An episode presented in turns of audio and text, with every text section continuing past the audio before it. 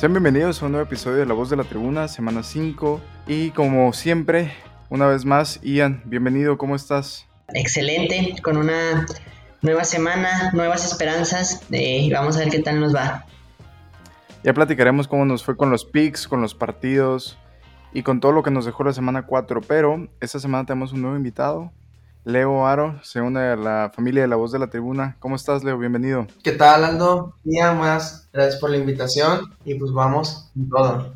Bien, Leo. Eh, al inicio de, esta, de este programa hablábamos un poco sobre Ian, que es aficionado de los Steelers.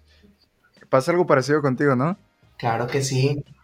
Aficionado de siempre. Aficionado a los Steelers. ¿Y cómo los ves en esta temporada? Mal, mal, mal, muy mal. Cuando estábamos, teníamos un mal presentimiento, que fue una mala pues estrategia tanto de la administración, tanto de los coaches que están ahorita, que no han podido pues ahora sí que ordenar el equipo, no supieron este aprovechar el draft, tiraron todo, apostaron todo por un jugador, el cual como, le, como se comentaba, no, iba a poder cubrir una zona completa, o sea, te va a sacar una jugada, te va a hacer unos primeros 10, te va a este, llevar adelante, pero realmente un jugador no te puede llevar a la zona de anotación siempre, y menos si lo tienen cubriendo diferentes zonas, haciendo diferentes trabajos, además de que, como ahorita, que no tienes muchos, así que jugadas, tienes dos receptores, tienes un corredor, los cuales siempre los tienen cubiertos, entonces lanzan, el pase incompleto, saben que va a corrida, y pues la verdad, están desgastando mucho, mucho, mucho el jugador. Momento de preocuparse, ¿verdad? Para los Steelers, Leo, en este momento de la temporada. Así es. Bien, Ian, la semana pasada hablábamos que era semana de preocupaciones y una semana antes, semana de realidades. Esta semana es muy complicada, lo hablábamos antes de grabar por la cuestión de los partidos divisionales y que cada vez se va cerrando más la liga. Y no solo eso, sino que el margen de error para los equipos se reduce cada vez más. Caso como el de Seattle. ¿Les parece si empezamos hablando sobre ese partido, Leo, Ian, eh, la visita de Los Ángeles Rams a Seattle? ¿Qué les pareció este partido? Leo, comienzo contigo. Estuvo muy bueno, este, por ahí lo, estuve este, checando el partido y la verdad, la verdad, estuvo, me gustó el partido, estuvo muy dinámico, no se me hizo este, muy trabado, además de que hubo buenas jugadas. Lamentable la, Así que lo que surgió en el partido. La lesión de Russell Wilson. Así es. Sí. Bien, Ian, me platicabas un poco sobre los Seahawks, que piensas que ya se terminó la temporada para ellos. ¿Esto por qué? Pues mira, eh, la verdad es que sí, sí lo pienso, por el simple hecho de que al menos vi, vi el reporte de, de Adam Schefter, eh, son al menos seis semanas porque requiere cirugía de la lesión de Russell Wilson. Entonces, el actual récord es de dos ganados, tres perdidos, eh, con la reciente derrota del jueves. Vimos un poquito del paquete de Gino Smith, que la verdad no es nada alentador.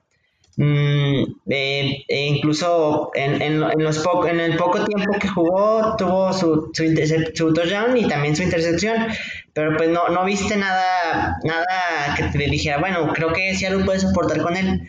Por el simple hecho de que ya sabemos que Seattle no tiene defensiva y que Seattle Seahawks empieza y termina con Russell Wilson.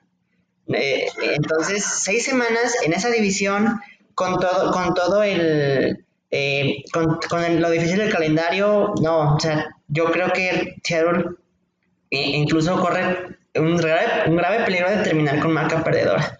Sí, al inicio de la temporada ya platicábamos que era prácticamente imposible con Pete Carroll y con ese equipo que terminaran con marca perdedora. Pero ahora las cosas cambiaron con la lesión de Russell Wilson, como tú lo dices, cambia totalmente el panorama y no solo eso, sino que lo que se hablaba de un posible último baile, que a final de cuentas yo creo que va a ser puro humo, que Russell se queda en los Seahawks, pues termina siendo un panorama desalentador para todos los aficionados de Seattle. Y en ese momento se encuentran en la zona más baja de su división, la división de por sí que está con los Rams, con los Cardinals y con los 49ers. Entonces, Leo, ¿ves este equipo en postemporada? La verdad, la verdad no. Ian, ¿algo más que comentar sobre este jueves por la noche? ¿O qué te deja? ¿Crees que se ve mejor los Rams? Uh, sí, o sea, vienen de una derrota en la cual eh, más adelante hablaremos de, de, los Arizona Cardinals. que los dominaron de principio a fin. Ese 37-20 se, se, vio, se vieron mal Los Ángeles Rams, se vio hasta cierto punto mal Matthew Stafford. Eh, creo que repuntan un poquito el camino mm, eh, porque fueron a Seattle a ganar este partido. Entonces, me, me, me, siguen gustando Los Ángeles Rams. O sea, definitivamente creo que siguen siendo el mejor equipo de su división, por más, aunque, aunque ya, ya los Arizona Cardinals este, la semana pasada nos dieron un cachetadón. Pero vamos, vamos a ver cómo, cómo, sigue avanzando la temporada. Eh, bien por los Rams. Los Rams que recuperan eh, su camino de la victoria.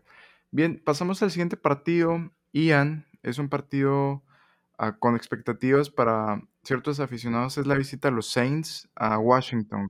Washington que no se ha visto bien. La, la verdad esperábamos muchísimo esta defensiva y se ha visto muy mal, nada que ver con la temporada pasada. ¿Quién sale beneficiado con este pareo, Ian? ¿Los Saints o el equipo sin nombre? Mira, justamente ese era el... Em, mi mayor decepción esta temporada han sido los la, esa defensiva de, Washington. En, el principio de la temporada yo lo dije. Eh, vamos a ver una defensiva que, entrenada por Ron Rivera, eh, y con, con, ese talento, Montesuit, eh, eh, Chase Young, y, y, no, simple y sencillamente no hemos visto lo que esperábamos. Están permitiendo más de 30 puntos por partido. O sea, eso es mucho de preocuparse. Eh, si bien Taylor Hennick está medio llevando este, este equipo, van 2-2, o sea, no van con un récord desastroso. Mm, me, me, sí me preocupa mucho lo que estoy viendo porque creo que me siento, me siento engañado. Este, tan solo, si si bien vienen de ganar en contra de los Atlanta Falcons, que tampoco es que hayamos visto algo, algo que nunca antes haya pasado, Atlanta tenía una ventaja grande eh, de, más de, más de 10 puntos. Eh, y la volvieron a perder, como, como, si, como si eso nunca hubiera pasado, ¿verdad? Entonces, veremos eh, este partido, pero sí, la defensa de Washington no me, no me, no me convence, no me gusta nada. Y, y del lado de los Saints, tienen unos saltos muy altos y, luego vemos el como el partido pasado que vienen de perder. También perdiendo una ventaja grande y yéndose a tiempo extra eh, en contra de los Giants. eso es lo que me preocupa. Fue este y, con el paquete Tyson Hill a mí no me agrada. O sea de verdad no me gusta ver, jugar a Tyson Hill. O sea me parece algo innecesario. Eh, que Sean Payton está eh, empesimismado en estar eh, poniendo a Tyson Hill y seguirle dando snaps y cuando sabemos que no funciona pero a Sean Payton parece que no, no, le, no le importa o no le, no le parece esa, esa idea ¿Con quién te quedas en este pick? Mm, mi, pick de este le batallé, pero por ser en Washington me voy a quedar con Washington. Pero la verdad es que no lo recomiendo este partido ni, cerca para los Jaguars. Sí, el malo por los que escogieron a los Saints la semana pasada en el Survivor. Decepcionaron. Leo, ¿tú qué crees de este partido? ¿Quién crees que sale beneficiado con el pareo? ¿Que va a ser un partido favorable para Washington, como dice Ian, o que es todo lo contrario, que va a ser em, un pareo favorable para los Saints. Yo la verdad sí pienso que va a salir el partido favorable para los Saints. Como comentaba Ian, se, se que va a deber mucho lo que fue la defensiva de Washington, están permitiendo muchos puntos. Siento que los Saints este, pueden aprovechar esos espacios. Entonces yo la verdad sí creo que en este partido va a salir ganador los Saints. Espero también que vaya a haber un buen partido pero siento que van a haber algunas brechas por parte de Washington, los cuales los Saints pueden aprovechar y se van a ir, yo siento que se van a ir adelante, al menos al medio tiempo ya van a ir con uno, a lo mejor un, un fiel gol de, de, puntos de adelante, ya exagerándolo, a lo mejor con dos touchdowns adelante. Bien, ¿y en cuánto está la línea de ese partido? Sí, la línea está en menos 2 menos dos en favor de los Saints. Los Saints son favoritos en este partido. Tomas la línea, Leo. Sí, la verdad sí me parece, me parece una buena línea. Bajita, está muy bajita. Yo, yo en ese partido me quedo con Washington. Tomo los puntos con Washington eh, de local, recibiendo puntos. Creo que es la, mejor decisión. Ah, ¿Algo más que quieran añadir de este partido? ¿O pasamos al siguiente? Al siguiente, vámonos. Pasamos al partido eh, que parece ser elegible para Survivor, que incluso tú lo traes, Ian, es los Patriots visitando a los Texans. Son los Patriots que vienen de perder ah, ante los Bucks. Se vieron bien el planteamiento defensivo de los Patriots, se vio muy bien contra los Bucks la semana pasada en el regreso de Tom Brady a Foxborough. Leo, ¿qué te parece este partido? ¿Crees que hay una diferencia grande entre los Patriots aún sin línea ofensiva contra los Texans o que realmente es más parejo de lo que parece. Yo pienso que sí es muy parejo, pero en este sí concuerdo con Ian y yo siento que Patriots se lo va a llevar el partido. ¿Cómo viste los Pats la semana pasada contra los Buccaneers? Porque tú tenías en el Survivor a los Bucaneros la, la, semana pasada y sufriste, por ahí estábamos hablando un poco y me decías que esperabas el regreso de Tom Brady. ¿Cómo viste el planteamiento de los Pats? Sí se sufrió el partido, pero la verdad, para eso es, porque por eso está muy buena, está muy buena la, la semana, estuvo muy buena, pero en este partido yo siento que como, se quedó parado Pats para hacerle sufrir a Tampa, y yo siento que Texas no le va a hacer la misma dificultad. O sea, la verdad yo siento que sí le va, le va a pasar. A lo mejor Texans le puede ahí darle batalla, pero no, no creo que le dure la verdad el, el darle la batalla. Si va a salir adelante fácil los Pats. ¿Y Mac Jones cómo lo ves? ¿Crees que va a ser una buena semana para él? Porque recordemos que las primeras semanas, si bien fue uno de los mejores novatos eh, en comparación a sus compañeros, eh, ¿tú crees que Mac Jones ya dio ese paso que le faltaba en esta temporada para tomar las riendas del equipo, para tomar las riendas de los Pats. Tiene el respaldo de Bill Belichick y de todo el equipo, pero ¿tú crees que ya es momento de que demuestre lo que está hecho realmente? No, mira, yo como, como cualquier novato, como lo comentaba con Ian, en el draft, la verdad este, hubo equipos que aprovecharon muy bien el draft. El caso de los Pats, apostaron bien por, por este coreback joven, pero yo siento que va, va escalando. O sea, como cualquier novato, van subiendo poco a poco. Ahorita ya en el, en el partido pasado se demostró que tiene con qué para sacar un partido adelante.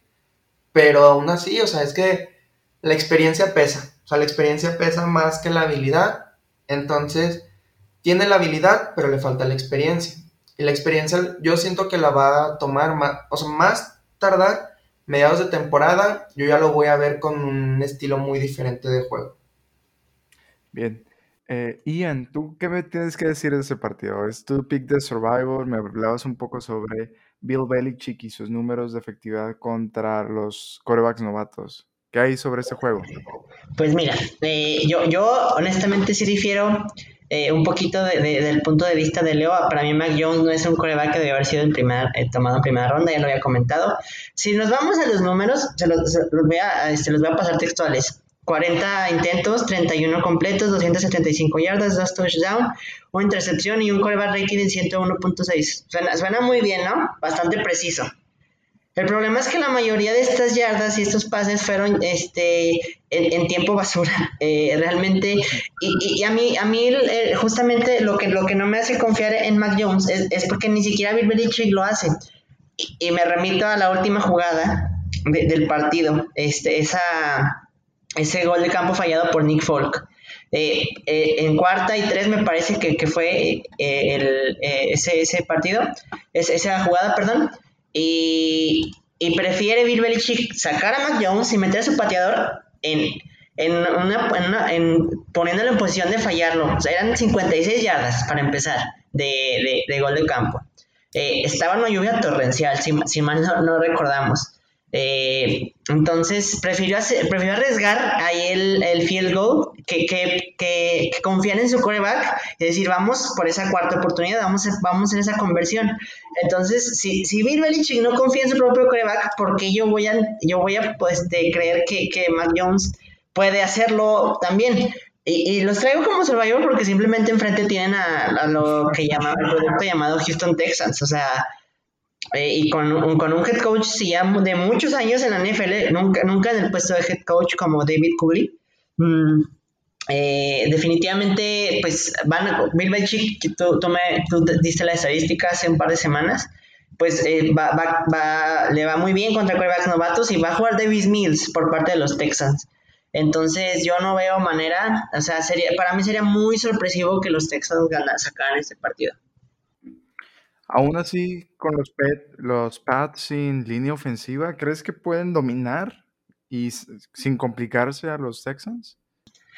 Yo creo que definitivamente que sí, o sea, no hay rival fácil en NFL, pero es que no, no veo algo de los, de los Texans que me haga decir, no, sí, sí va, va a haber, va, puede haber sorpresa, la verdad es que no creo que haya sorpresa. Mira, dominar como tal probablemente no, pero de, de ganar el partido, mira, la línea, te la, te la paso, está en favor de los Patriots por nueve puntos, menos nueve a favor de los Patriots. Es una línea grande. Muy alta para hacer los Pats y como están jugando, y de visitante, hay que recordar. Efectivamente, van a visitar Houston, entonces, uff, no, no me...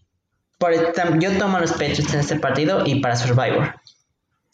Bien, eh, complementando la estadística que me decías, el récord es 21-6, Bill Belichick contra quarterbacks novatos, 13-0 en casa, 8-6 de visita.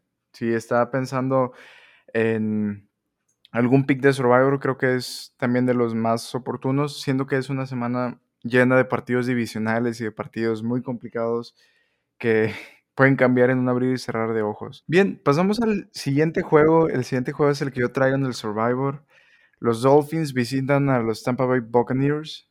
Un partido complicado para Miami. Al inicio, Ian, hablábamos sobre los Dolphins, que era un equipo que podría aspirar a postemporada. Que bien, la temporada pasada estuvieron cerca de llegar, pero se quedaron a un pasito. Y en esta temporada parece que están a 10 pasos. Es todavía más complicada la situación de los Dolphins que el año pasado. Parecía que dependían más de Fitzmagic, de tenerlo de respaldo. Y como lo comentaste también hace algunas semanas, de la confianza tuya, que es una confianza inexistente y que en eso peligra. Y estoy de acuerdo contigo. Y por el otro lado tenemos a los Bucks, que se vieron sólidos, se han visto sólidos en esta temporada. Un descalabro ante los Rams eh, ¿qué, ¿Qué podemos decir de este partido, Ian? ¿Cómo lo ves? ¿Complicado, no complicado? ¿Disparejo, no disparejo? Yo lo veo complicado, pero para Miami. O sea, hemos visto, la verdad, para, para mí, y yo, y yo como aficionado de Pittsburgh te digo que la ofensiva de Miami es peor que la de Pittsburgh, de verdad. No veo nada de creatividad en este equipo, nada. Y, y ni, ni, estando Tua, y, y con ahora con Jacoby Brissett. No, no veo algo que, que, que, que me emocione en esta ofensiva. Eh, Jalen Waddle, si, si, bien me parece que fue un buen pick de primera ronda, eh, pues sigue siendo un novato a final de cuentas. Y, y mientras y, y, mientras esté ahí Jacoby Brissett, pues no me, no me genera ninguna confianza. Este equipo, yo los veo así, como bien dices, yo lo veo un retroceso. Yo, yo creía mucho, ahora no mucho, pero creía que Brian Flores po podría eh, arreglar cuando llegó a Miami. Pero estoy viendo, o sea, también viene de, perder en contra de Indianapolis en casa. Y, a mí sí me preocupa mucho también esa situación de Miami. Y creo que Brian Flores es su tercer año. Y si este año, si, si va por este camino, creo que va a ser el último como head coach de Miami. Porque no estamos viendo nada, nada, nada que nos haga pensar que Miami puede ser competitivo. Y lo, también lo que a mí me, me preocupa mucho es, o como bien lo comentas, no, no preparó a Tua. O sea, a mí, a mí no, me, o sea, no me gustaba en cuanto veía que Tua se ponía difícil el partido, metía a Fitzpatrick la temporada pasada. Y eso pues le pega mucho a la confianza del, del coreback novato. En, si tú, o sea, y, y, y, a mí sí me, sí me preocupa porque creo que Tua o sea, si no lo quieren Miami, mándenlo a Pittsburgh. Este, acá lo recibimos muy bien. Entonces, este, por, el simple hecho de que no le dieron el tiempo de, de bajarse en la NFL. Y, creo que como si eres aficionado a Miami y le, tundes a Tua, eh, y aparte Tua no le ayuda que después de él exactamente el pick siguiente fue Justin Herbert. Entonces, eh, no le ayuda nada eh, eso. Pero es que Tua básicamente esta es su temporada de novato. La temporada pasada jugó siete partidos y por siete partidos lo queremos evaluar. Y a mí no me parece correcto. Josh Allen hasta el tercer año, o sea, duró dos años jugando basura, Josh Allen. Y hasta el tercer año empezó a cuajar, hasta el año pasado. Entonces, ¿por qué no le tenemos paciencia a Tua? ese, es, ese es mi, problema. Y, pues sí, o sea, si bien, si bien no, no, no, no confío en, en este partido porque también no veo un playbook que me llame la atención de Miami, o sea, también yo aquí voy Tampa. Es importante lo que dices de Brian Flores porque parecía la ventana oportuna para meterse a playoffs. En su división, las cosas no pintan nada bien. Los Patriots, un equipo que sabemos que le está pasando mal. Los Jets, un equipo sin alma, sin nada, es un equipo gris, es uno de los peores equipos de la NFL actualmente. Los Bills sí que son el favorito para llevarse la división. Y los Dolphins, parecía que los Dolphins teniendo enfrente a los, a los Patriots y a los Jets, podían ganar al menos tres partidos, más los partidos de conferencia y alguno que otro. Pero las cosas se complicaron y cada vez se alejan más. Eh, Leo, te quería preguntar, ¿tú cómo ves ese partido? ¿Crees que se lo lleva la magia de Tom Brady y los Buccaneers? ¿O que por ahí puede colarse la posibilidad de una sorpresa de Miami? No, mira, yo concuerdo totalmente con Ian. Este su punto de vista, la verdad, me, me pareció muy acertado con los Dolphins. No han podido estructurarse, o sea, ya como dice, o sea, ya van, o sea, no, lleva un día, no, no, lleva tres partidos, o sea, la verdad ya, ya llevan tiempo en el cual ya pudo haber este organizado y el equipo, ya tuvo con qué enfrentar equipos, como tú lo comentas, se esperaba que ganaran, o sea, al menos tres partidos, dos partidos, y no han hecho nada, o sea, la verdad, no han hecho nada, se han visto mal, han hecho quedar mal el equipo, o sea, nada está asegurado y ningún partido es fácil. O sea, todos los partidos hay que saberlos jugar, pero Dolphins no lo ha sabido jugar y no ha aprovechado. Ha tenido partidos en los que la verdad se le han ido de las manos, o sea, mucho, mucho, mucho. Pero Tampa, o sea, la verdad sí es un buen rival, yo siento que se lo va a llevar, o sea, fácil, fácil se lo lleva porque Dolphins, pues, como comenta ya, no hay, no hay confianza, o sea, no hay confianza dentro del equipo, y si no hay confianza dentro del equipo, la verdad se pierde todo, o sea, se pierde el jugar bien, el jugar a gusto, el tener comunicación con el, con, entre los mismos jugadores, o sea, si el entrenador no promueve esa confianza en el campo, no puede esperar que los jugadores en el campo tengan una buena comunicación entre ellos. Y eso es lo que está fallando. Yo siento que eso es lo que está fallando. Leo, ¿y qué te parece la leyenda de Tom Brady que el fin de semana eh, supera a Drew Brees en yardas por aire? Sí, la verdad sí. Sí lo vi. Era de esperarse, o sea, la verdad tiene ahora sí que ya el nombre de romper récords. Pero, pues bueno, ha estado jugando bien, no ha decaído, no sigue, o sea, motivando, sigue siendo motivado él además de que le dan mucha confianza. O sea, la confianza, la verdad, que le dan a, Brady es lo que ha hecho que él siga jugando en ese nivel. El nivel de Brady, la verdad, yo siento que al menos esta temporada va a seguir igual. O sea, va a seguir en un nivel alto. ¿Ya no hay duda que es el mejor de todos los tiempos o crees que puede haber duda en eso? Yo siento que ahí sí, en el mejor de, los tiempos, a mí no me gusta ese término. Oigan, ese término nunca lo he usado porque pues que no te dé frío, Leo. No, no, no, es que ese término, la verdad, o sea, son muchas cosas que hay que evaluar cuando dices el mejor de todos los tiempos, porque hay que ver la temporada, hay que ver cómo se jugó, o sea, hay que evaluar muchas cosas, pero no, yo no lo consideraría el mejor de los tiempos. Bien, algunos de los récords que decías, eh, que Brady es el romper récords, eh, mayor pases de touchdown de toda la historia, mayor número de victorias en playoffs, mayor número de victorias, mayor número de Super Bowls ganados, mayor número de MVPs. Tom Brady es inevitable, Tom Brady está intratable y es una duda que siempre va a quedar, el mejor de todos los tiempos, pero bueno, es cuestión de gustos y es algo realmente subjetivo. en este partido yo también me quedo con los Bucks, es mi pick de Survivor, creo que es un pareo un poco complicado para Miami y que los Bucks van a salir victoriosos. La línea seguro es la más alta esta semana. Ian, ¿sabes en cuánto está? Sí, la línea está en menos 10 en favor de los Bucks. O sea, está, muy, muy alta. Dudaría en tomarla realmente, pero por ser tantos puntos. Aunque Miami viene de perder por 10 puntos y también se comió un 0.35 de los Bills. Pero bueno, Eh, pasemos al siguiente partido, un partido que a mí me causa mucha intriga, es la visita de los Green Bay Packers contra los Cincinnati Bengals.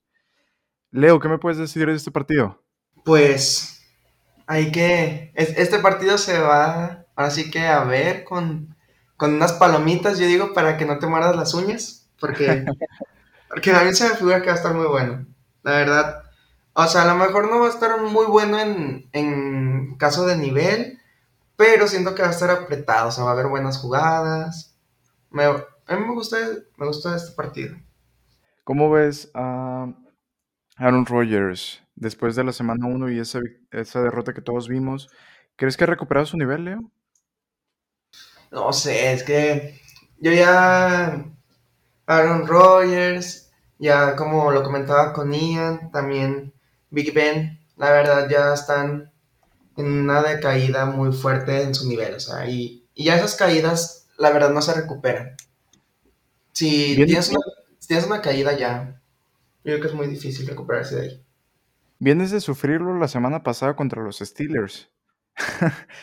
Entonces, ¿no crees que sí? Y la temporada pasada fue MVP, ¿no crees que sigue estando en un nivel top en la liga?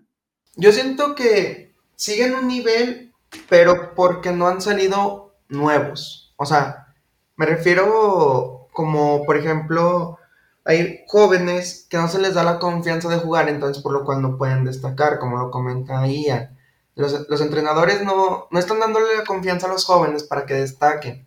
Entonces el, el nivel como tal se está manteniendo igual. Sea, por eso te decía de el mejor de los tiempos, hay que ver cómo se está manejando la temporada.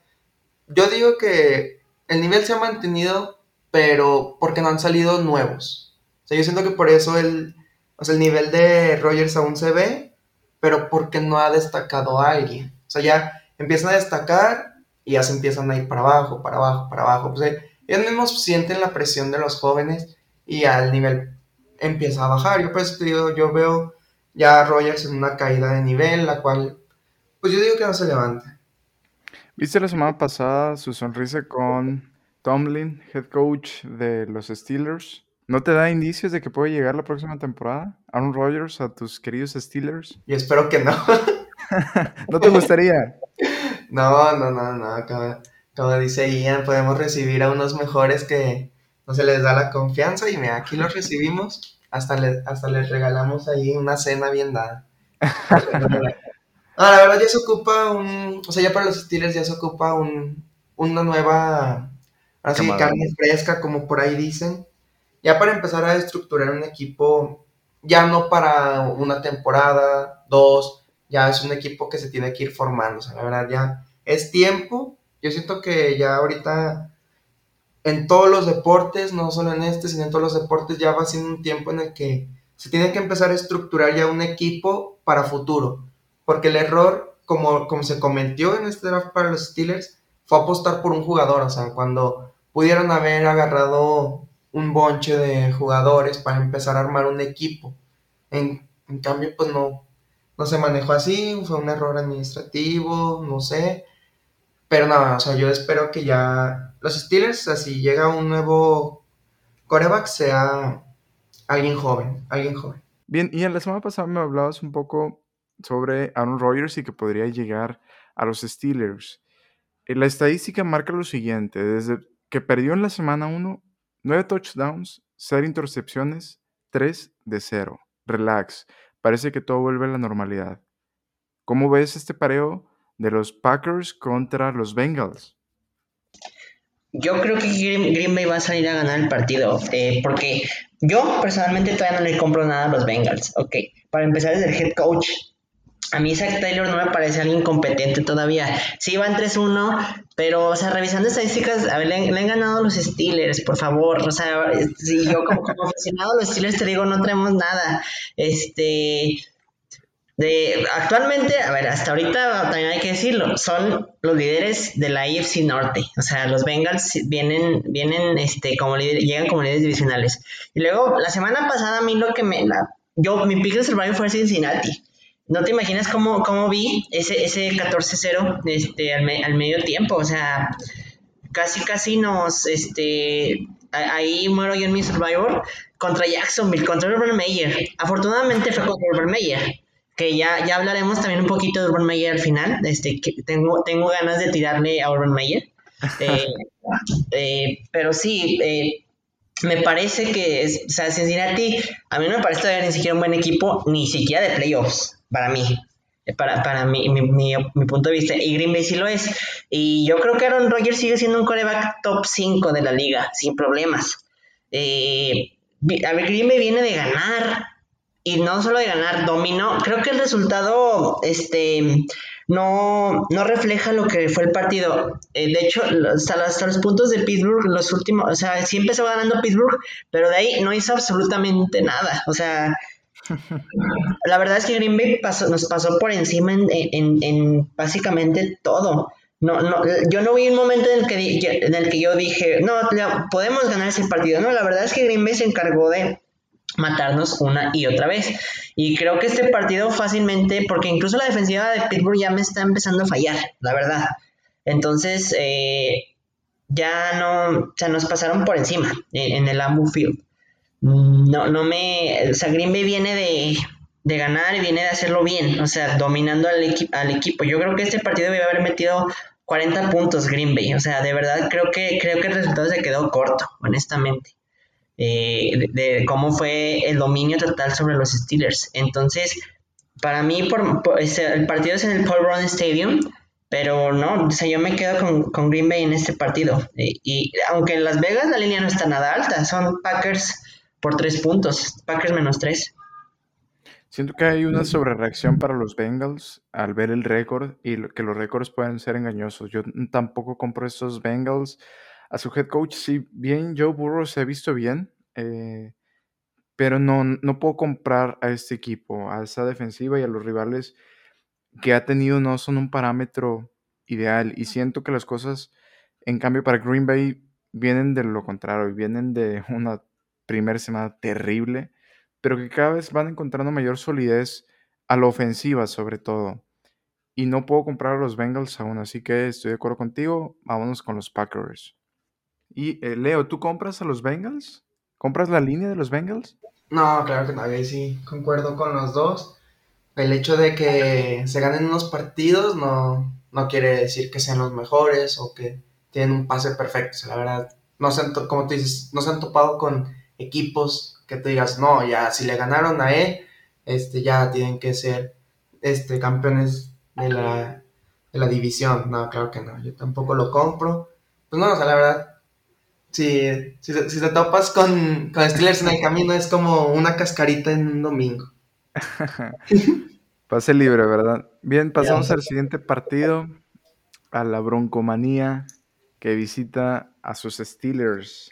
¿Con quién inicio? ¿Quién quiere iniciar de este partido? Siento que es un partido... Primero va Leo, porque yo tengo muchos puntos que tocar en este partido. entonces empieza tuya, porque a mí hasta me da pena de hablar del equipo. La verdad está pena. Leo, te quería preguntar, la temporada pasada los Steelers, nadie los callaba. ¿Cómo puedes pasar de una temporada de irte invicto hasta la semana 10 y la próxima temporada de inmediato tener ese récord? Hablaba con Ian la semana pasada y le decía, creo que los Steelers desde que pierden el invicto no supieron reaccionar, no supieron para dónde hacerse, cómo llegar, cómo ganar. Y es un equipo que hoy día no sabe cómo ganar, no, sabe cómo ganar, pero no tiene las herramientas para hacerlo.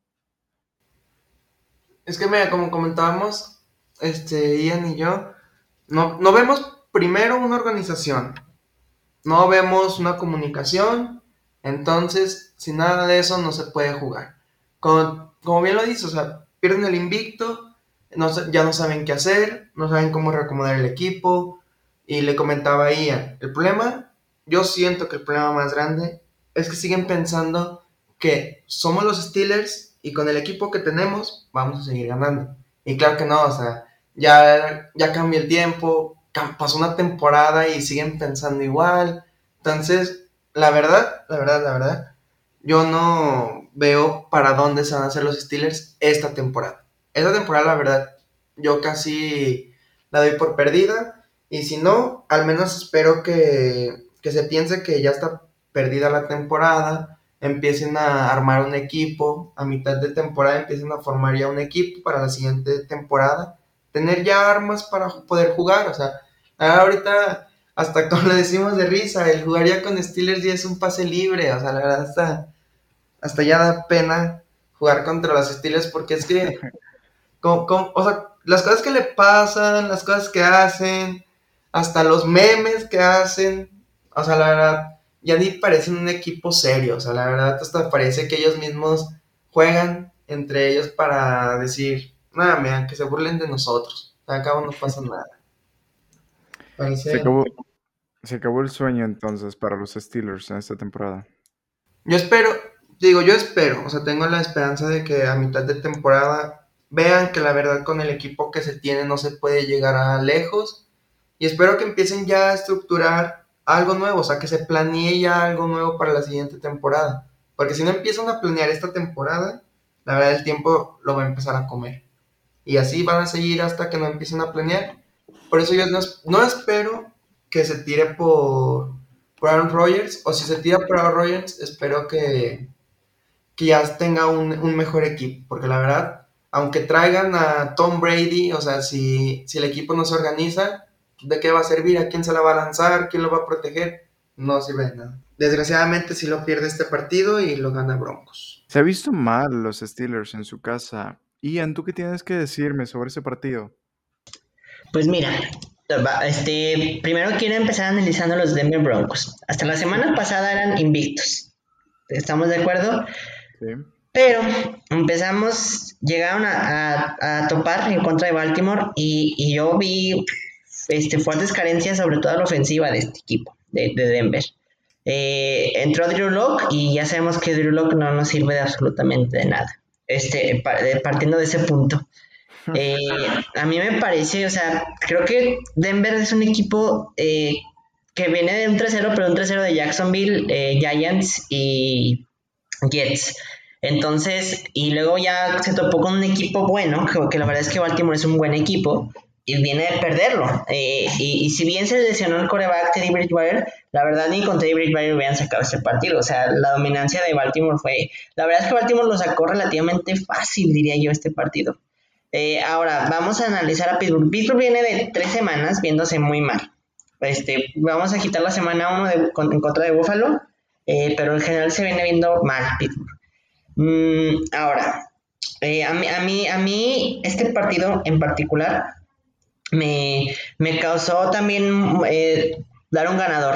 Eh, sobre todo porque aunque juegue o no Teddy Wire, que todavía no sabemos si va a jugar o no por, el protocolo de conmoción, eh, me parece que, Pittsburgh va a salir adelante y va a ganar este partido. si bien va, va 0-2 en casa esta temporada, 0 ganados, perdidos, hay algo que, a Tomlin, esa, no sé, creo, creo todavía que no, creo que Denver sea un equipo de playoffs ni, de cerca eh, y, con Pittsburgh eh, Big Ben creo que sí existe ese orgullo de negro y, oro que no que no o sea si bien no son un equipo para playoffs o sea van a ganar ese partido pero no por eso significa que, ya ya me voy a subir otra vez al barco la verdad es que no eh, van a ganar este y la siguiente sigue contra Seattle, que creo que también la van a ganar, por, el simple hecho que no va a estar Russell Wilson y se van a poner 3-3 y muchos van a empezar a, a vender campanas al vuelo, pero la verdad es que no.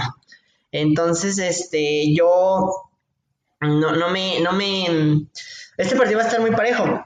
De hecho, ¿saben quién es el favorito para este partido? Son los Pittsburgh Steelers. O sea, la línea está súper baja, es un punto en favor de Pittsburgh, pero los favoritos que salen para este partido son los Steelers. Yo creo que van a ganar.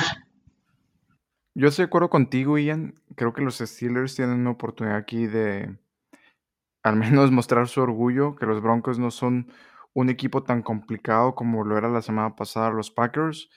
Entonces, creo que puede ser un, camino viable para los Steelers para recuperar un poco esa confianza y llegar bien para la semana 6 contra Seattle. También, en la semana pasada, Big Ben completa y se une a la lista de, 400, de jugadores con 400 o más pases de touchdown. Big Ben, que muchos ya lo ven acabado, incluso tú, habla sobre el orgullo. ¿Será que Big Ben se logre colar la colita haciendo al final, eh, a la postemporada? O, ¿estás de acuerdo con Leo que ya se acabó el sueño de los Steelers, se acabó el sueño Big Ben, se acabó el sueño Tomlin? No, definitivamente no los veo en postemporada. O sea, te repito, creo que van a ganar este partido y el siguiente. Eh, y aún así no los veo en postemporada. O sea, mmm, sí, ya, y creo que Roethlisberger ya está haciendo hasta de más. O sea, y, no sé, no, no, me gusta. a mí me lo, comenté, lo comentaron la semana pasada. Ya ver a Roethlisberger moverse o sea, ya sabe que me da porque ya no lo veo es competente, o sea, ya no lo veo bien al hacerlo. Ya los, a los 39 años, tanto golpe ya le, le pasó una factura muy fuerte. Entonces, este, aunque ganara, no, no, no me, no los veo ni siquiera como el séptimo sembrado. La verdad es que no veo equipos. Los Raiders creo que todavía están arriba de ellos. Vamos a jugar un poquito a quien está un poquito arriba de los tiros en la AFC. Los Chiefs, los Chargers, los Ravens, los, los Browns, los Raiders, Ahí van cinco. Eh, otro, vamos a eh, los Buffalo Bills, seis. Los Titans. los Titans, siete. A ver, ya, ya, se acabaron eh, los, los, boletos de playoffs. Antes de ellos, creo que Pittsburgh y, y, otro equipo que creo que está incluso un poquito mejor que ellos son los mismos Bengals. O sea, creo que en este momento los el peor equipo de la división sí, siguen, sí son los Steelers, porque al menos los Bengals tienen una, algo que se llama ilusión con un nuevo coreback. Nosotros no. Entonces ah, ya van ocho equipos que creo que son mejor en este momento que los Steelers. De ahí ya puedes meter a quien, a quien tú quieras, este, ya lo discutimos, pero al menos esos ocho, equipos este, son mejores que los Steelers desde mi punto de vista en el AFC. O sea, no los veo definitivamente en postemporada.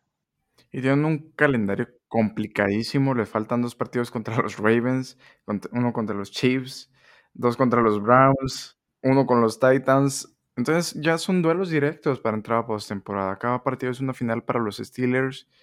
Y creo, y estoy de acuerdo contigo, Leo, se acabó el sueño Big Ben, se acabó el sueño Pittsburgh esta temporada. Por ahí puede salir el orgullo, pero no les da para más. Leo, ¿qué te parece el partido Browns Chargers? Un partido emocionante, de los más uh, atractivos este fin de semana. Se juega a las 3 de la tarde en Los Ángeles. ¿Qué hay que decir sobre ese partido? Te comentaba que me gusta el, estilo de juego que trae ahorita los Chargers. se ve muy dinámico el juego. Y, pero Browns, la verdad, siento que es un equipo con más, o sea, el plantel se ve con más experiencia. Viene de ganar, que a lo mejor le ganó, o sea, no sé, le ganó a los vikingos. Pero, de todas formas, yo siento que va a ganar. O sea, yo siento que Browns gana este partido contra los Chargers no sé, eh, yo sigo pensando que la experiencia pesa y el plantel, o sea, como tal, el estilo de juego, a mí se hace que el de los Browns se ve más completo, más, más unido. El de, los Chargers se ve muy fluido, pero le falta algo, le falta algo al de los Chargers. De visita ganan los Browns. Sí, arriesgado, ¿eh? Yo siento que sí ganan los Browns. Ian, ¿cómo ves este partido? A mí me encanta. Creo que, no sé si el mejor o el segundo mejor partido. Para mi gusto creo que es el mejor porque va, a haber creo que más, no sé, más carnita de, que analizar. Para empezar, pues a mí me encanta ver a los Chargers jugar. Eh, me encanta, creo que Brandon Staley tiene unas piedras enormes a la hora de decidir. Sabe cuándo arriesgar, sabe cuándo no arriesgar, sabe cuándo correr. Brandon Staley lo está haciendo excelente para mi gusto. Eh, bueno, creo que tiene un detalle ahí con, los Chargers. Creo que siguen cometiendo muchos castigos y eso, y eso les puede costar. La semana pasada empezaron dominando 21-0 a, a, Las Vegas Raiders, así fue al medio tiempo. El tercer cuarto Las Vegas se acercó 21-14 y todos dijimos, oh, wow, creo que regresaron los Chargers de antes, pero no. Este, afortunadamente, o sea, salieron, salieron adelante que de hecho yo me quiero este, disculpar porque dijimos que iban de visita. Este, lo que pasa es que en la página de NFL este, así lo marcaba, pero no, fue, fue en Los Ángeles, en el SoFi Stadium. Una disculpa a los, fanáticos de los Chargers. Eh, pero sí, eh, nos, me, gusta este partido eh, mucho y sobre todo por, por, la forma en que viene jugando Los Ángeles Chargers. Y a mí, sobre todo, yo sí me voy con los Chargers porque vi a Baker Mayfield la semana pasada, bueno, ya un par de semanas jugando mal. O sea, sí vienen de victoria, vienen, creo que una victoria complicada, al final de cuentas. Eh, pero a Mayfield, ah, ese, es el problema de Mayfield para mi gusto. Eh, eh, cuando sale en su día, es un super coreback. El problema es que muy seguido, o sea, no sale en, sus en su día. Entonces, y, no tiene una constancia, eso es a lo que quiero llegar. Los números, 15 completos de 33 pases, 155 yardas, un coreback rating de 59.5, o sea, estamos de acuerdo que no fue el mejor coreback de, este partido, fue mejor que Cousins. Este, y tan solo pues el marcador fue, fue, fue, fue, fue pequeño, o sea, 14-7, 21 puntos. Entonces, sí, o sea, lo que sí me gusta es Cleveland la defensa. Creo que sí, eh, creo que Justin Herbert tiene un muy eh, partido, o sea, un, un, examen muy difícil eh, contra esa defensiva de Cleveland, que sí me gusta. O sea, esta parte, de este lado de, de, Cleveland sí, me está gustando bastante. Este, la defensiva, que creo que la, hicieron muy sólida y creo que en el draft con Jeremiah Usu Coramoa y en la agencia libre lo hicieron bien con Jadivon Clowney. Entonces, eh, Kevin Stefanski creo que está entrenando bien el equipo. Eh, pero aún así, eh, yo me quedo con los Chargers para este partido. Veo más balance en este equipo que, que, los Browns. Estás casado con los Chargers, a ti no hay ni que preguntarte.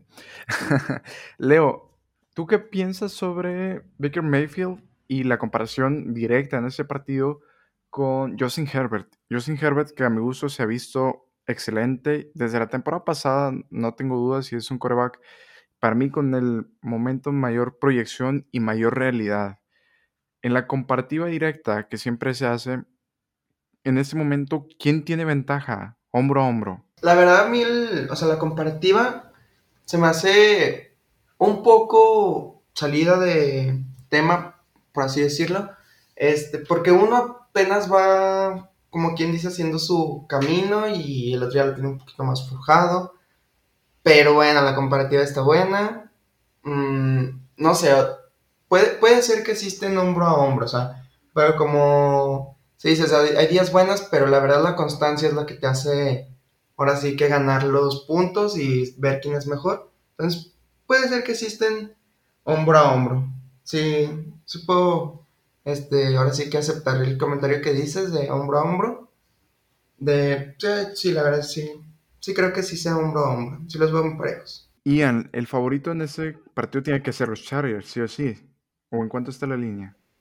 En efecto, pero no por mucho, está la línea uno y medio en favor de los Chargers. O sea, pick, casi, casi. Sí, prácticamente pick. Leo, pues ¿tomas los puntos con los Browns? Sí, yo me quedo con Browns. La verdad siento que, como te comento, se ve un plantel más unido y como comenta Ian, o sea, están cometiendo por ahí algunos errores siento que les van a costar en este partido y va a salir Browns adelante. Bien, eh, yo tengo segunda, Ian. Tengo que estar en desacuerdo contigo, Leo.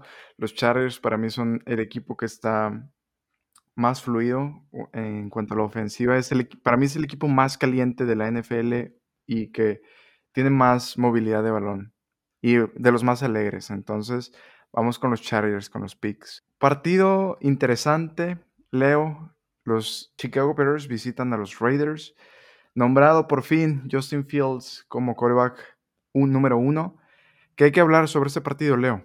Mira, pues la verdad se ve un partido donde se va, se van a salir algunos talentos, creo yo. Pues se va a ver por ahí este un estilo de juego diferente. También se va a ver a los Raiders que yo espero que en este partido salen victoriosos salen victoriosos los Raiders en este partido. Van con buena racha de partidos, van a llegar confiados. Yo siento que van a, a salir victoriosos los Raiders. No sé cómo lo ven ustedes. Ian, ¿tú cómo ves a los Raiders que vienen de perder el invicto? Reciben a los Chicago Bears. ¿Qué hay que hablar sobre ese partido? Eh, este partido también me gusta, ¿eh? O sea, eh, ya desde que empiezo a ver que mata aquí una buena decisión, no sé si la tomó él o la tomó la gerencia que le dijeron, a ver, ya, ya, deja, ya déjate de, de, cosas y ya no mal coreback titular. Creo que es un acierto, definitivamente. Eh, Matt Nagy, eh, la semana pasada, pues simplemente pues viene a ganar en contra de, los Lions, de que o sea, perdimos ese pick, el, Leo, pero más bien creo que creo que ese pick fue más de odio que de que de de razón, ¿verdad? De razón, sí, ya después lo analicé bien y dije, es que por, por puro equipo la verdad es que los Bears son mucho mejor. Eso no quita el, error que cometí, pero, pero aún así este eh, ya ya eh, ah, creo que lo mejor que les puede seguir pasando a los Bears es que pierdan este partido, para que para irle quitando argumentos a Matt Nagy, porque sí, creo que va a terminar la temporada como head coach de los Bears. Eh, ya, ya, a estas alturas de verdad creo que la va a terminar. Eh, pero ya deberían o sea, terminar la temporada gracias a Matt Nagy, el que sigue. Eh, del lado de los Raiders, eh, John Gruden, eh, la semana pasada volvió a mostrar John Gruden de los 2000, pero aún así mm, creo que llegó un punto que le llegó a competir bien a los Chargers, o sea, mm, se le venía levantando de un, de un 21-0 y creo que eso tiene mucho mérito, ya tres posiciones ya, este, de visita, eh, o sea, tienen sus méritos los Raiders. Creo que son un buen equipo. O sea, siguen siendo un equipo con talento, este, que, que a final de cuentas siguen teniendo, o sea, una defensiva, no elite, pero una defensiva bastante competente para detener al ataque del equipo rival. Entonces, mm, me voy a quedar con los Raiders en ese partido, pero, o sea, por mero, por mero talento de roster, a mí no me sorprendería tanto que, que los Bears lo sacaran. Y entre talento de roster y alguna mala decisión de John Gruden que puede pasar, este eh, no me sorprendería que, los Bears sacaran ese partido, pero y sobre todo por Justin Fields también, pero aún así me quedo con los Raiders. Hablabas un poco de que Matt Nagy sale de la silla caliente de head coach y se mete Uron Meyer, pero bueno, eso ya lo platicaremos. No, Meyer está desde que inició en la silla caliente. pero esto todavía más caliente. Entonces, aquí ambos van con los Raiders. Yo siento que los Raiders están llegando a un momento de realidad. Siempre te dije desde hace unas semanas que no termino de comparar estos Raiders. Han sufrido contra Miami, han sufrido contra otros equipos y el récord era lo que los salvaba, pero ahora que ya no están invictos, siento que ya puede cambiar un poco esa perspectiva del público y que la sobrereacción ya está regresando a sus niveles normales, a donde deberían de estar estos Raiders. Yo no los considero en el top 5 como muchas personas los tienen en su Power Ranking, pero aún así creo que les va a alcanzar para ganarle a los Bears. Los Bears son un equipo que se está tratando de adaptar y como hablábamos hace un par de semanas, decían, la estrategia de juego que pueda tener Matt Nagy y el playbook disponible para Justin Fields es lo que me complica. No los puedo tomar, no los puedo comprar hasta ver más un poco de, de ese equipo. Si bien Justin Fields me encanta como coreback, no, no puedo confiar en que Matt Nagy no le va a hacer una mala jugada como ya, como ya lo hizo. Entonces, pasemos al siguiente partido. Ian, comenzamos contigo. Partido divisional, otro partido muy interesante. Eh, los Cardinals reciben a los San Francisco 49ers. El único equipo invicto recibe a un equipo sin su coreback número uno, sin Jimmy G, y con el experimento Trey Lance. ¿Qué hay que hablar sobre este partido? Para mí, un, muy buen partido e interesante. Eh, Jimmy G completamente descartado para el mismo. O sea, mañana vamos a ver el debut como titular de, de Trey Lance. Eh, a ver, Arizona viene de darnos, creo que, no, no, no solo a mí, a, creo que a muchos analistas de NFL eh, y, en general, nos viene un, un, cachetadón de guante blanco, porque la verdad es que vienen de dominar, y esa es la palabra, dominar a Los Ángeles Rams en Los Ángeles. Ya de inicio a eso ya, ya es, creo que ya estamos hablando de, de, de, algo fuerte. A mí me sorprendió mucho el, el planteamiento que hizo Cliff Kimbury y también a Karen Murray en cuatro semanas de NFL es el MVP, sin duda, para mí. Creo que está jugando muy bien, o sea, y que si bien, o sea, creo que sí lo están haciendo bien y, y Arizona está cerrando muchas bocas. Eh, hasta este momento no, no, no, tengo, no, tengo, no tengo el pick. Eh, eh, se lo dije antes de comenzar a grabar. No tenía pick de este partido. Eh, y aún así, ah, eh, para mí es muy difícil porque no creo que San Francisco también sea tan, tan mal. O sea, la línea está en menos cinco y medio. No me gusta la línea. No, no, no veo Arizona aplastando a San Francisco porque yo sigo no creyendo en Cliff, en Cliff Kingsbury. O sea, me sigue causando algo ahí Cliff, Kingsbury que no me gusta. Es la verdad. O sea, no me, no me convence. Eh, pero a ver, si sigue ganando, va a llegar un punto en que tengo que decir, perdón, Cliff, adelante. Entonces, el partido en Arizona. Eh, el debut de Trey Lance, creo que Arizona lo único que se le puede complicar es que no sabes que trae Trey Lance. ¿Están de acuerdo con eso? Esa, eh, creo que es un arma de doble, filo. Es un coreback novato que viene de una segunda división del colegial. Eh, que, no sabe, no hemos visto prácticamente nada, o nada de, él. Eh, hemos visto puros, puras pequeñas jugadas este, en, en, jugadas de engaño, acarreos, alguno que otro pase, pero no hemos visto el Trey Lance de titular. Eh, y creo que eso, eso se le puede complicar un poco a esta, esta defensiva de Arizona, que también lo viene haciendo bien. En general, el equipo en lo viene haciendo bien, eh, lo viene haciendo muy bien. AJ Green resucitando su carrera eh, en Arizona después de, de estos últimos años en Cincinnati. este partido, mm, aunque San Francisco viene de perder, ah, no, no, me encanta. Vamos a quedar con San Francisco, pero este por, por, el mero hecho de que no compro a Cliff todavía y creo que creo que Kyle Shanahan puede, puede preparar un, un, muy buen este un muy buen planteamiento para, para frenar lo que es Kyler Murray. Si bien en cuanto al, al match sobre todo en la defensiva aérea eh, de los de los 49ers no me encanta. E, eso eso te lo, te lo tengo que decir. Mm no me encanta, pero este, pero aún así algo, algo, este, es más, también los finales se ponen en una situación muy difícil si pierden. Por eso creo que, creo que San Francisco necesita más este partido que Arizona. Me voy a quedar con los 49ers. Partido divisional en el que Ian eh, cree que se terminan los equipos invictos en la NFL. Estoy de acuerdo contigo en la parte de que San Francisco se juega mucho más y que eso puede ser peligroso para los Cardinals. Leo, ¿tú cómo ves este partido? ¿Qué hay que decir sobre Kyler Murray? Y en ese momento, ¿tú estás de acuerdo con Ian que es un jugador MVP hasta ahora, hasta el inicio de la semana 5? Sí, mira, pues siento que hasta la pregunta va de más, ¿no? O sea, él ha demostrado, o sea, que se ha, ha, estado ganándose su lugar. En este partido, como lo comentan, yo acuerdo con los dos, San Francisco tiene más que arriesgar Cardinals, pues no, ¿verdad? O sea, como, lo vemos, pues es un equipo invicto. Pero aún así no creo que los Cardinals vayan a, ceder este partido. O sea, no, no, siento que se vayan a confiar. Me gusta que vaya a haber este, un debut titular. espero que le vaya muy bien. O sea, yo espero que ya le vaya muy bien, que se vaya ganando su lugar, Trey.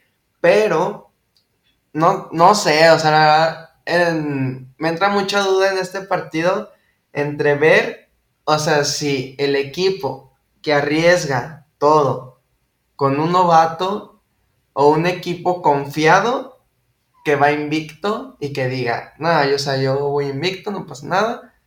No lo sé, no lo sé. Y no, no creo, o sea, no, no tengo el presentimiento que, que este sea el caso en el que Cardinals vaya a dejar de, de ser invicto. No creo que sea esta semana. Entonces yo creo que si hay que elegir, pues hasta como lo comento ahí en la línea, o sea, cómo está la línea. Está muy, muy, muy, muy cerrado. Pero, bueno, yo me quedo con Cardinals en este partido. Tú compras a los Cardinals. Yo en compro esta, los Cardinals. En esta ocasión estoy de acuerdo contigo, Leo. Eh, siento que los 49ers se juegan mucho, sí, pero los rivales a los que le han ganado no son rivales fuertes. Son los Lions y son los Eagles. Las verdaderas pruebas para los 49ers y con el experimento llamado Trey Lance y Jimmy G, pues no ha dado resultados. Sí, estuvieron cerca de ganarle a los Packers, pero por descuido de los Packers. Y contra los Seahawks no, no me convence eh, ese, ese equipo de los 49ers. Siento que puede ser un partido peligroso, sí, por la cuestión que menciona Ian de la cinta. No hay cinta de video de, de Trey Lance, pero no, no hay manera. Bueno, hay manera, sí, pero no, no los compro. No puedo comprar a los 49ers contra un equipo que viene bien aceitado, con un equipo que viene embalado y con un coreback que está luciendo tanto por tierra como por aire. Entonces, te voy contra Ian. ¿Cómo nos fue la semana pasada? No te pregunté eso al inicio. ¿Cómo nos fue la semana pasada en cuanto a picks? Si no mal recuerdo, 10 de 16, ¿no? Sí, una semana un poco complicada. Es que hubo muchas sorpresas, empezando por los Jets, entonces. Por los Jets, los Giants. Y como en la semana 3 nos fuimos a cuatro picks distintos y en esos cuatro picks distintos, 2-2 cada uno. Entonces, sigues arriba en la lista de picks ganadores. pero prometo, prometo ya emparejar pronto. Bien. Bien, pasamos al prime time. El domingo por la noche, el partido más esperado del fin de semana, los Chiefs de Kansas City reciben a los Buffalo Bills, un partido eh, con una cierta rivalidad en los últimos años, con mucho picor, con un partido sumamente interesante. Leo, ¿cómo ves este pareo? ¿Quién lo gana? ¿Quién se lo lleva? ¿Qué hay que platicar sobre ese juego? No, pues mira, ya con el hecho de darle el Prime, se ve que va a ser un partido muy bueno. Entonces, pues podemos, o sea, se parte de ahí, ¿no? O sea, el por, el qué, o sea, se pone como Prime, está a qué se debe, o sea, por, por qué, por, por cómo vienen los equipos, la verdad yo siento que, es que Bills siempre da una sorpresa. O sea, no sé por qué Bills siempre, o sea, en los juegos da alguna sorpresa, alguna jugada, algún, no sé, o sea, siempre da una sorpresa de algo. Entonces, o sea, viene de ganar, trae confianza. Viene Kansas, que viene este también de ganar, pero bueno, le ganó Eagles, este perdió contra Chargers, pero yo siento que este partido también Kansas tiene que arriesgar para poder recuperar el camino. O siento que este partido también es definitivo para, para Kansas en si lo gana o no. Si lo gana, va para adelante porque los siguientes partidos, pues podemos decirlo que este, no, no son tan complicados. Siento que este es su, su pegar con la pared, pero yo espero que lo gane Kansas para que se levante y ahora sí que dirija bien su camino. Entonces yo en este partido voy con Kansas. Espero que no salga una sorpresa los Bills como siempre, pero sí voy con Kansas los compras aún con esa defensiva. Sí, es que te digo, este partido siento que es muy crucial para ellos. Entonces, sí tienen que arriesgar. O sea, la verdad sí tienen que arriesgar. Porque con este, yo siento que definen el, el trayecto de la temporada. Si lo ganan, van para arriba. Si lo pierden, van para abajo. Entonces, yo lo compro en que van a arriesgar. En que se van a arriesgar. Luego, en ese momento, ¿quién es más probable, eh, en cuanto a tu perspectiva, que llegue al Super Bowl por el lado de la conferencia americana, los Bills o los Chiefs? Híjole, una pregunta muy difícil. Es que no sé, es que los, los Bills ah, siempre se ven, o sea, siempre se ven fuertes. no, no es un equipo que hay que poner de lado. Pero si es de elegir entre ellos dos, creo que, ay, no sé, como te digo, este partido define el, camino de Kansas. Entonces siento que ahorita es muy rápido para tomar esta decisión, pero si es de ahorita, con lo que hemos visto, creo que Bills llega. Creo que Bills. Bills. Bien. Ian, ¿tú qué tienes que comentar sobre ese partido? ¿Cómo lo ves? A mí este partido me gusta mucho. Eh, para iniciar, eh, creo que Kansas viene, de una buena victoria. Eh, como lo tenía que hacer, lo hablamos, tiene que ganar y, lo tiene que ganar bien. Y así fue, la verdad es que creo que dominó bastante bien. Pero su defensiva sigue permitiendo muchos puntos. 30 puntos de Filadelfia nada más la, semana pasada. Buffalo encontró defensiva, encontró ataque terrestre, o sea, Buffalo poco a poco ha estado respondiendo a nuestras dudas que teníamos del año pasado. El año pasado Buffalo no movía el balón por tierra, lo está haciendo. El año pasado Buffalo ni de chiste le respiraba de cerca al coreback contrario y lo está haciendo. Entonces, este, creo que Buffalo, en este momento Buffalo es el mejor equipo de la conferencia americana, sin duda, por encima de los Chargers. Y, y, eso que estoy en el barco Chargers, pero en este momento yo creo que es el mejor equipo de la conferencia americana, los Buffalo Bills. Eh, porque tienen, tienen defensiva, o sea, no digo que sea elite, pero tienen una defensiva bien que, puede parar al, al equipo contrario y, cosa que no puede hacer el Kansas City Chiefs. La cosa es que yo analizando el partido, yo, o sea, yo, veo que Buffalo puede ganar sin que Josh Allen juegue el 150%. Yo no veo a Kansas City ganando partidos si Panda Holmes no juega a nivel Dios, al 100%, 150%. Ese, ese es mi problema. Pero también, también tengo, tengo otro asunto con los Buffalo Bills. No han, todavía creo que les falta saber ganar estos partidos, porque este, creo que eh, en algo tiene razón Leo. Eh, creo que aún así perdiendo, no, necesariamente se van para abajo, pero sí perdiendo ese partido, dejan de pelear por el, primer seed para, para, descansar la primera semana y recibir todos los juegos de postemporada. Y eso es muy importante. Eh, porque se imaginan un juego, la, la, final de conferencia entre estos dos, imaginémoslo así, otra vez como el año pasado, pero ahora en Buffalo. Yo no veo a Kansas City jugando en enero en Buffalo. Eso es, eso es algo muy complicado de hacer. Eh, sobre todo por el frío que, que, que, pasa en Búfalo y, el viento, todo. O sea, eh, eso es muy importante. Entonces, si bien no se define si playoffs o no para Kansas, que, de verdad creo que no, eh, sí se define, creo que al menos la pelea por el primer sembrado, Kansas se va a quedar muy atrás porque van a tener ya el criterio de desempate Búfalo. Yo voy a quedar con Búfalo en este partido por el balance. Eh, de, equipos. Si bien el partido es en el Arrowhead, eh, eh, como, como te digo, lo repito, mm, yo, o sea, creo que Buffalo puede ganar sin que Josh Allen lance 400 yardas y, lance 4 touchdowns. Y, y, yo no veo a Kansas ganando partidos sin que Panda Holmes al menos lance 350 yardas y 3 touchdowns. Que ese es, ese es de lo que vive Kansas City. Entonces, me gusta el partido, me quedo con los Bills. Hablando de urgencias, los Chiefs son el equipo más apurado. En este momento son últimos, el último lugar en su división y se complican mucho, como dices, la cuestión de llegar al primer sembrado. Siento que los Chiefs no van a ser un equipo que quede incluso fuera de los cuatro primeros lugares de su conferencia, pero no puedo comprarlos. Me cuesta mucho esa defensiva y el daño que les están haciendo. Lo hablabas, 30 puntos de los Eagles no es posible. Pat Mahomes la semana pasada, cinco touchdowns y Tyreek Hill en modo Dios. Entonces, si lo traías en el fantasy, qué bueno, felicidades, ganaste con Mahomes y con Hill. Pero me cuesta mucho. lo hablábamos un poco de que los Chiefs en, en su casa, en el Arrowhead, son un equipo peligroso, sí, en temporadas pasadas. Ahora, con esta defensa, pues esto es un poco más complicado yo voy por los Bills, pero para llevarte contra Ian, tengo que alcanzarte. Voy a tomar a los Chiefs. Es un pick muy complicado, pero tengo que alcanzarte ya. No puedo seguir eh, dándome ese espacio. La ventaja que veo para los Chiefs es que a los Bills le siguen poniendo tener a Andy Reid y el nombre de Kansas City enfrente. Y bien, para terminar, hablamos con uno de los temas más calientes, uno de los temas que Ian quería platicar sobre los head coach.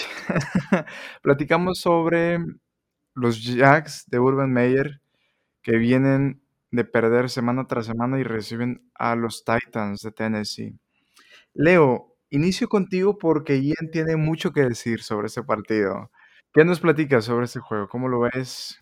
¿Qué esperar? Yo en este partido, como dices tú, pues un partido muy, muy caliente, o sea, en, cuestiones de, de hablar este acerca de fuera, fuera de la cancha, pero, pero el partido, o sea, siento que no, no va a ser un partido tan malo, tan mal. O sea, puede ser un partido más o menos este aburrido, puede ser, no lo sé. Este, pero de todas formas, Titans siento que lo va a ganar, o sea, no, no le veo algún problema para que, para que Titans lo pueda perder, digo, al menos que sea una, una sorpresa de la semana. Pero Titans siento que lo gana, o sea, lo gana sin problema. Entonces, si, si es elegir, pues yo elijo Titans. Porque no, no, le veo problema, la verdad, con que, con que vaya a perder. O sea, podemos ver la, el récord de, de, los Jaguars o sea, y el de los Titans como, como primer lugar. Entonces, lo gana Titans sin problema. Un partido divisional y que los Jags no ganan desde la semana 1 de la temporada desde pasada. La sí. Tienen 20 partidos sin ganar. Algo terrible que no, puede ser admisible en la, en la NFL. Pero bien, parece que están peleando por el pick número uno otra vez. Ian, ¿qué tienes que decir de estos tristes Jacks? Yo no, yo no quiero hablar. Vamos a partir del punto que Tennessee va a ganar el partido. Para mi gusto, y creo que aquí sí no hay dudas, si vuelven a perder como con los Jets, este, es para, para empezar a dudar de Mike Braver, de verdad. Ahora, ya, ya partiendo de ese mismo punto, voy a enfocar 100% en los Jaguars y más que en los Jaguars en Urban Meyer. Si no supieron lo que hizo Urban Meyer, acabando el partido eh, el, jueves pasado de, la semana 4 en contra de los Bengals, él dijo que se iba a quedar en su casita, este, porque, bueno, para quien no sepa, Urban Meyer entrenó a Ohio State antes de, los Jacksonville Jaguars y pues tiene su familia ahí en Ohio. En, este, entonces, eh, él dijo, ¿saben qué? Váyanse, porque regularmente también después de los partidos de los jueves, los equipos este, toman de un pequeño mini bye de viernes, sábado, domingo y el lunes regresan a prácticas normales. Eh, Urban Meyer dijo, ¿saben qué? Yo me, yo me quedo aquí con, mi familia y, y bye. Eh, lo siguiente que pasó es que el sábado vimos, salió un video de Urban Meyer en un bar con una chica eh, eh, bailando. Entonces, y, y, lo peor es que todavía dice que, que es su familia. Eh, entonces ahí, ahí empezó ya el problema. Se hizo todo, todo un, un show, que, que, eso fue. para lo, lo siguiente que pasó fue que salió un comunicado del dueño de los Jaguars en el cual dice que espera poder recuperar su confianza y su respeto. O sea, ya eso quiere decir que, que, no que no quieren, o sea, ya, ya, no, tienen, ya no tienen respeto a Ron Meyer y, y, no me preocupa el de su jefe, me preocupa el de los jugadores. Este, Uron Mayer el lunes llegó a la práctica, bueno, perdón, canceló una práctica porque no pudo, este, para, eh, no pudo hacer la práctica de los Jaguars porque estaba arreglando estos problemas y después juntó solo a los capitanes de cada, de cada departamento, por ejemplo, juntó al capitán de la ofensiva, la defensiva, equipos especiales, línea ofensiva y así, juntó a esos capitanes y solo con ellos se disculpó y dijo, difundan mi palabra, señores. O sea, le faltaron para, para hablar con todo el equipo y decir, ¿saben qué? Me equivoqué, tan, tan. En cuanto Ron Mayer se dio la vuelta, y esto, y esto fue este, una, una un, un history de, de, de, Twitter, de de Twitter de, un insider de la NFL, se pitorrearon en la cara de los jugadores. O sea, ya no tiene control de ese equipo. Entonces, Urban Meyer está de verdad en serios este, mm, problemas a la hora de, este, no solo de hot seat, está en una seria conversación de ser el peor head coach en la historia de la NFL. De verdad, o sea, la siguiente semana juegan en Londres, a mí no me sorprendería nada que lo dejen allá. O sea, el único, lo único que no me, que me hace dudar es que seguramente el contrato que le pagó el dueño eh, es alto. Entonces, básicamente lo que el dueño nos dijo la semana pasada es, este, eh, aquí va, a jugar para mí, porque le estoy, o sea, va, va a entrenar el equipo como pueda, como lo quiera hacer, porque le pagué mucho dinero y no, le voy, no lo voy a liquidar, no le voy a pagar eh, todos esos millones de dólares mientras no dirige mi equipo. Que lo dirija mal o no, pero que lo dirija. Y, y todo porque salió el rumor de que lo querían para USC, eh, que volviera al college. Eh, yo creo que Jacksonville está encantado que fuera siempre y cuando renuncie a ese contrato. O sea, de verdad, seis partidos y que en seis partidos se despidan es para que, o sea, definitivamente entraría y lo peor. Y, de verdad, Ron Mayer a mí, a mí me da mucho coraje porque hay, hay, coordinadores este, que, que, se están estado matando y luego vienen estos entrenadores del college que en su mayoría no han funcionado. Eh, de los que han funcionado Jimmy Johnson, Pete Carroll y, no sé si algún otro me, me, este, la verdad no sé. Y Pete Carroll tiene un contexto que antes de ser entrenador de college eh, fue fue entrenador de la NFL y ya después se fue a college y luego ya regresó como head coach de los Seahawks. Pero aún así, o sea, muy pocos casos funcionan y espero que, que, se les quede claro de entrenadores de college uh, que, hagan su transferencia a NFL, no les funciona regularmente. O sea, cuando, cuando eres buen entrenador de college, regularmente eres muy mal entrenador de NFL y si no, pregúntele también a Nick Saban, a Chip Kelly. Sí, hablábamos un poco sobre esa, ese cambio del college a la NFL, del del college, del semiprofesional, por así decirlo, allá en la máxima liga, lo que para mí y para muchos es la mejor liga del mundo. ¿Algo más que quieras tirarle a, estos Jacks? Pues más que los Jacks, el problema es que a mí, me preocupa mucho porque yo creo que Trevor Lawrence es un talentazo. O sea, y, yo, yo, estaba muy hype en verlo jugar, pero el, el, daño colateral de eso es Trevor Lawrence. Y, y sí me, no, o sea, no quiero ver después un, un Andrew Locke. ¿Se acuerdan de Andrew Locke también? O sea, tuvo que retirar los 30 años por todo el mal manejo que tuvieron con él. Entonces, no quiero que eso pase con, con Trevor Lawrence, pero creo que puede ser una superestrella de la NFL, pero Mm, eh, eh, o sea, solo es eso, que, creo que el daño colateral es eh, de, Aaron Meyers es Trevor Lawrence. Parece si terminamos con los picks, los picks rápidos, los imperdibles picks. Iniciamos contigo, Leo. En esa dinámica platicamos un poco sobre los picks, sobre los partidos y nos dices cuál partido, cuál equipo te gusta para ganarlo. ¿Iniciamos, Leo? Sí, claro. Iniciamos con Leo, pasamos con Ian y terminamos conmigo. Ah, va. Eh, Jets visitan a los Falcons. Me quedo con Falcons. Ian. Jets. Voy con Jets, me convencen los Jets, creo que pueden darle la sorpresa y los Falcons nunca los va a comprar. Vikings recibe a los Lions. Lions, me quedo con Lions. Vikings. Vikings. Pasamos al Washington Football Team que recibe a los Saints. Mm, Saints. Washington. Washington. Hay muchos picks contreras aquí entre nosotros. Leo es el que nos quiere dar a gane. Eh, Texans reciben a los Pats. Mm, Pats. Patriots. Patriots, decisión unánime. Eh, Buccaneers contra los Dolphins. Buccaneers. Buccaneers. Tampa Bay. Tampa Bay, decisión unánime y mi pick del Survivor. Green Bay Packers visitan a Cincinnati Bengals. Green Bay. Green Bay. Green Bay.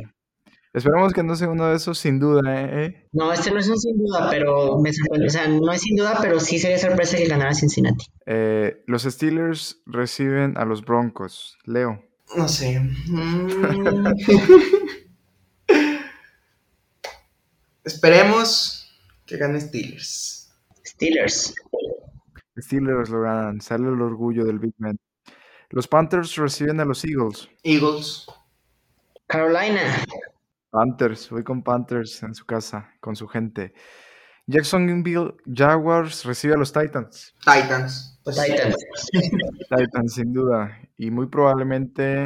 No digas sin duda, por favor, que los alas. O sea, de verdad. Sin duda, decisión unánime. Los Titans no pierden. Derek Henry se come a los, a los Jacks esta semana. Eh, el equipo del pueblo, los Cleveland Browns, visitan a Los Ángeles Chargers. Por llevarle la contra a Ian, vamos con... Con los Browns. Los Browns. Chargers.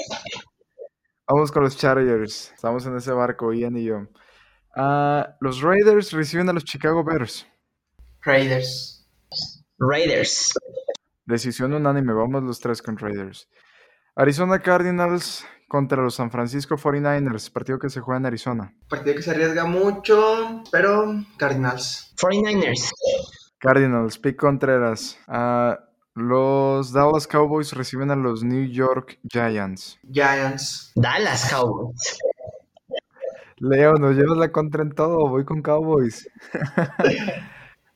uh, Kansas City recibe a Buffalo. Se juega en Arrowhead. Mmm... No, Búfalo. Búfalo. Voy con Kansas por el único, la única razón que voy con ellos es porque tengo que alcanzar esta semana. Y voy con Kansas. No me falles, Andy Reid y Pat Mahomes. Pasamos al último partido de la semana, lunes por la noche. Baltimore Ravens contra Indianapolis Colts. Mm, Colts. Baltimore Ravens. Baltimore, Baltimore Ravens. Leo, nos llevas contra como en 10 partidos. Vamos, vamos. Mira, hay una buena noticia aquí. Al menos alguno de los tres le va a ir muy bien.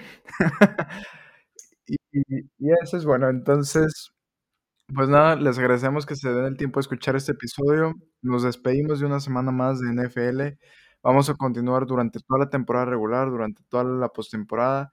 Leo, agradecerte, recordarte que tienes las puertas abiertas siempre a estos episodios. Recuérdanos sus redes sociales, por favor. Claro, no, muchas gracias por la invitación. Y claro que vuelvo. La verdad, me gustó muchísimo estar aquí con ustedes. Gusto de saludarlos. Y en mis redes sociales, como Leo Arobi en Instagram y en Facebook como Leo Aro. Bien, Ian, gracias una vez más por estar acá con nosotros en Voz de la Tribuna. Recuérdanos tus redes sociales. En Instagram me encuentran como Trejo Ian, en Twitter como Ian Trejo 4 y en Facebook Ian Trejo. Bien, este episodio lo encuentran en Spotify, Apple Podcasts y todas las plataformas digitales. Yo soy Aldo Aro y me encuentran en todas mis redes sociales como arroba aldoaro13. Sin más, nos escuchamos en el próximo episodio y recuerden, nos vemos en la cancha. ¡Ánimo!